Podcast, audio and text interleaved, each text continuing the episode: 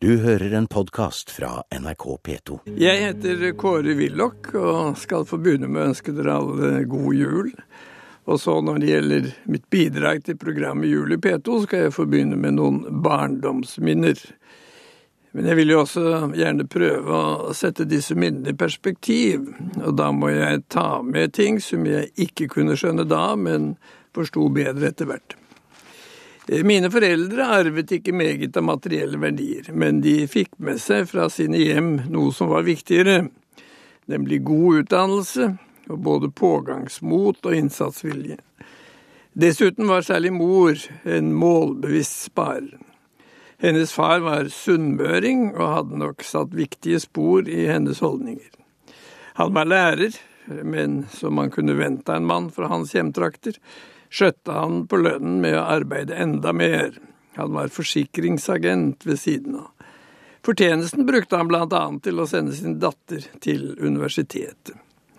Det var ikke mange kvinner der den gangen, tidlig på 1900-tallet. Hun trivdes storartet og fikk venner for livet. Så ble hun lærer i gymnasiet, som det het den gangen, og stolt over at hun tjente mer og sparte mer enn min far, som ble sjøoffiser under første verdenskrig. Men under den deprimerende ødeleggelsen av Forsvaret som begynte allerede i 1920-årene, gikk han over i sivil virksomhet.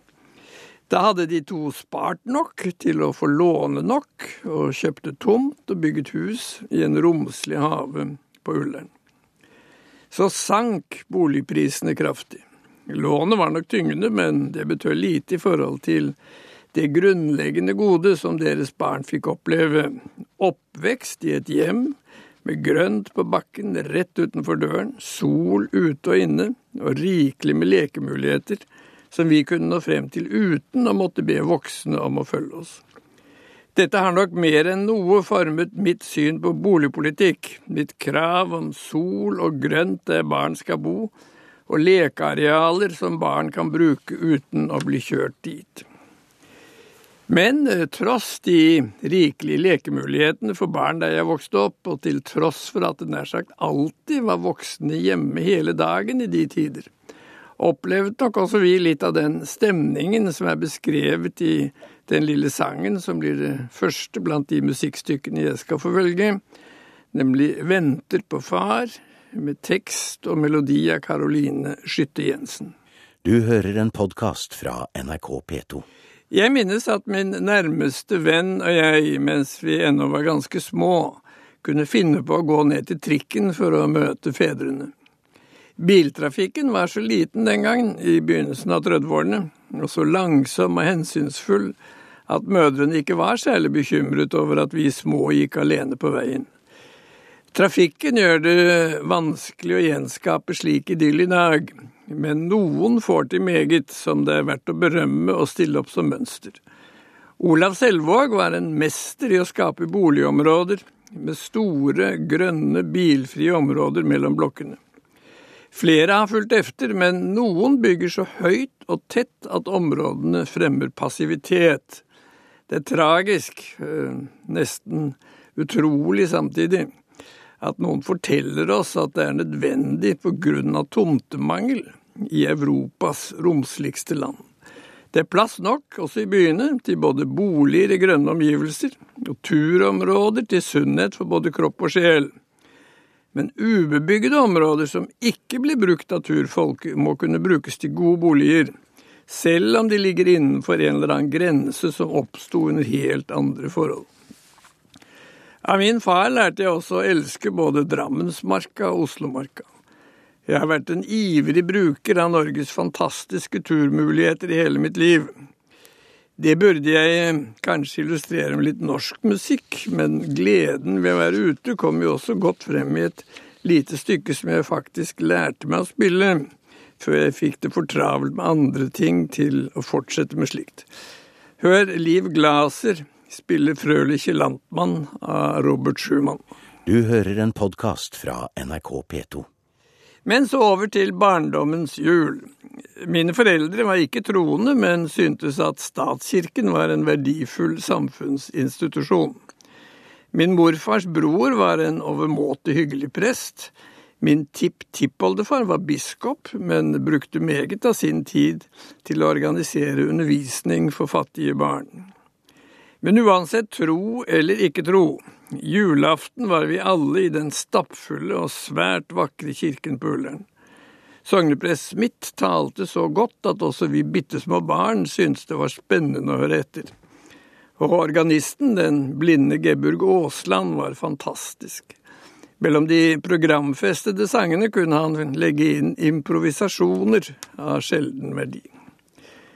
Litt utenfor kronologien vil jeg her gjerne få nevne at Geburg Aaslands bruk av hele orgelet ble spesielt flott under krigen, da han blant salmene flettet inn strofer fra patriotiske sanger som appellerte til nasjonalfølelsen mot okkupantene. Ikke ante jeg den gang at orgelet med utrolig spennvidde var bygget av bestefaren til hun som ble min kone. Man kunne høre sus av begeistring når nasjonale toner strømmet gjennom kirkerommet under gudstjenestene. Men hans posisjon som fremragende musiker, og det fantastiske han hadde utviklet til tross for at han var født blind, gjorde det umulig for nazistene å gripe inn mot denne høvdingen. Det finnes naturlig nok ingen opptak av hans improvisasjoner fra den gang, men jeg vil gjerne få illustrere hans mektige stil med litt fra hans improvisasjoner i konserten Farvel til Ullern kirkes orgel i 1956. Du hører en podkast fra NRK P2. Så tilbake igjen til barndommens juleminner. Mine foreldre hadde satt sammen et program for dagen med elementer fra deres egne litt ulike barndomsopplevelser, men særlig tilpasset oss små. Det var julegrøt før kirketid. I den lå det en mandel. Den som fant mandelen, ble belønnet med en marsipangris. Efter kirken begynte festen for barna straks vi var hjemme igjen. Kaffe og kaker, gang og sang rundt juletreet. Og så viste det seg at julenissen kom med presangene allerede før middag. Jeg husker meget godt at jeg trodde på julenissen. Jeg merket ikke at far var borte, men løp forventningsfull til inngangsdøren når det ringte på, og nissen sto der. Jeg visste at han var snill, og kjente slett ikke igjen den dype stemmen. Hans gavmildhet forsterket gleden, og det var lett å forstå at han måtte raskt videre til andre barn. Da far litt senere kom inn i stuen, fortalte jeg begeistret om nissens besøk. Efter både presanger og søtt kom så omsider middagen, som begynte med noe de kalte mølje, kanskje fra mors røtter på Toten. Og så almedistematen, før enda mer søtt til dessert. Vi sang mange av våre kjære julesanger, men her skal jeg bare ta med litt fra én av dem, med en strofer som gir meg utgangspunkt for betraktninger om helt andre samfunnsspørsmål. Jeg sikter til Du grønne, glitrende tre, god dag. Du hører en podkast fra NRK P2. Det er ordene norske flagg i denne julesangen jeg tenker på. Mine foreldre var av generasjonen som hadde opplevd fullføringen av Norges selvstendighet i 1905, da de var barn i den mest påvirkelige alder og hadde sterk nasjonalfølelse. Men akkurat på juletreet syntes de ikke at uh, norske flagg passet. Blanding av nasjonale og religiøse symboler var de imot.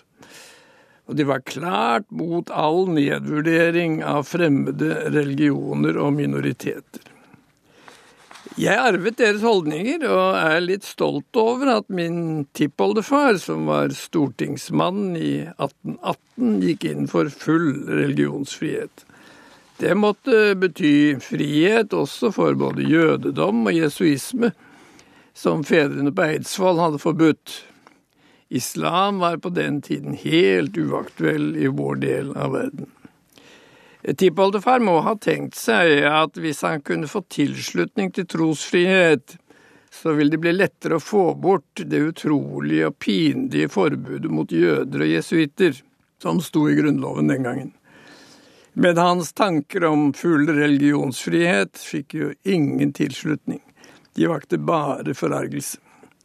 Senere er jo meget blitt bedre også på dette området, men jeg er redd for at respekten for minoriteter og fremmede religioner og folkeslag, og toleransen for fremmede skikker og klesdrakter, fremdeles ikke er bred nok i Norge. Jeg hører at Koranen inneholder så meget fryktelig. Det er dessverre riktig.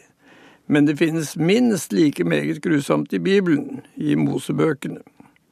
Det finnes like opplyste og humane mennesker i islam og andre trossamfunn som i vårt.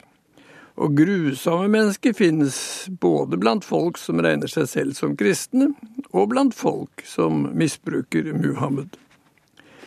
En viktig forskjell er at mange muslimske samfunn er kommet kortere enn kristne samfunn når det gjelder å hindre politisk misbruk av religionen. Men det er også sammenheng med at mange muslimske samfunn ble bremset i sin utvikling av vestlig undertrykkelse eller innblanding i deres indre anliggender. Men som sagt, eh, nasjonale symboler bør ikke blandes med religiøse. Flagg på juletre er selvfølgelig bare en uskyldig bagatell i slik sammenheng, men kanskje et brukbart påskudd til denne meningsytringen om religion og politikk. Men så tilbake til eh, mer materielle juleminner enda en gang. Med krigen fulgte matmangel, eh, som står for meg som en påminnelse om betydningen av å verne dyrket og dyrkbar jord. Men vi hadde faktisk rikelige julemiddager også i de første krigsårene, fordi vi hadde gris i hagen og høns i kjelleren. Vi skjønte raskt at grisen er et klokt dyr. Den ble som et kjæledyr og tok seg en gang en tur ned til skolen i nærheten, til stor munterhet for alle der.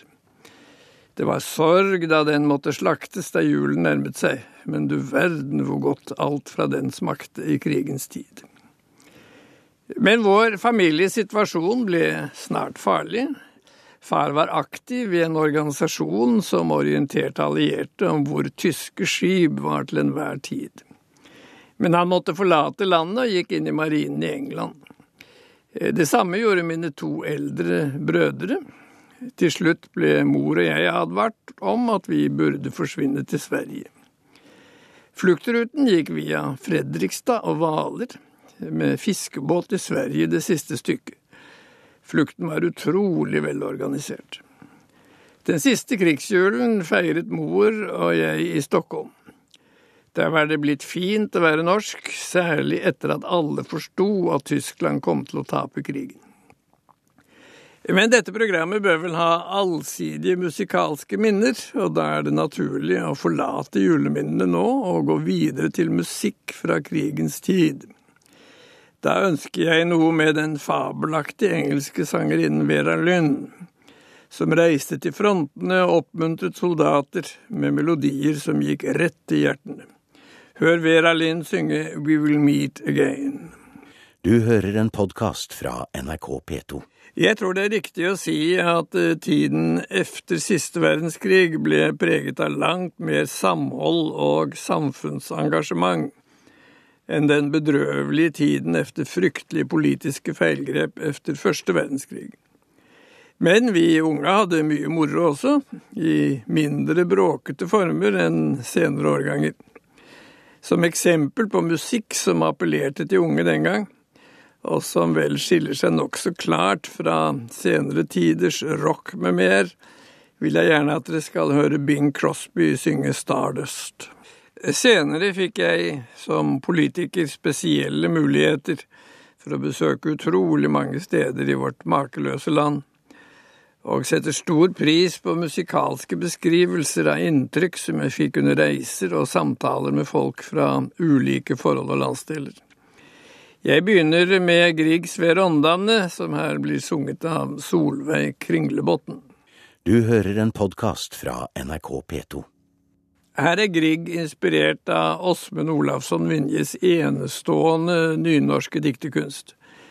Jeg skyter inn at jeg, med morfar fra Sunnmøre, og efter å ha hatt den fremragende nynorskdikteren Jakob Sande som lærer, beundrer Ivar Aasens innsats for å bevare gammelt norsk folkemål. Hans og Vinjes språk er fantastisk lyrisk. Men nå er forskjellene mellom de to skriftspråkene våre blitt så små at man kanskje bør overveie å spare ungdommen for strevet med å pugge forskjellene mellom dem, og heller bruke ungdommens knappe tid til bredere og bedre innføring i den fremragende norske litteratur som vi har i begge målformer.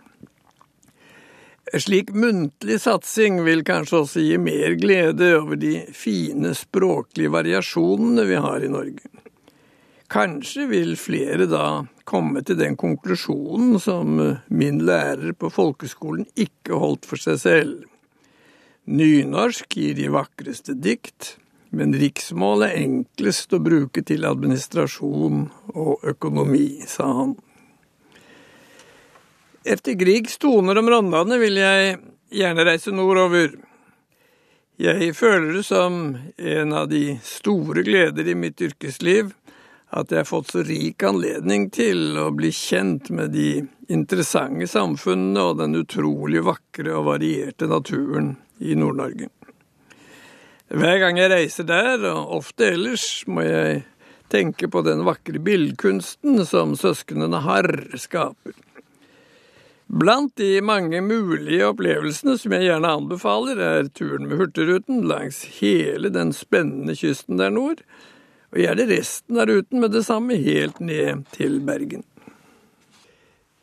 Blant de nordnorske kulturpersonligheter har jeg alltid vært fascinert av Petter Dass.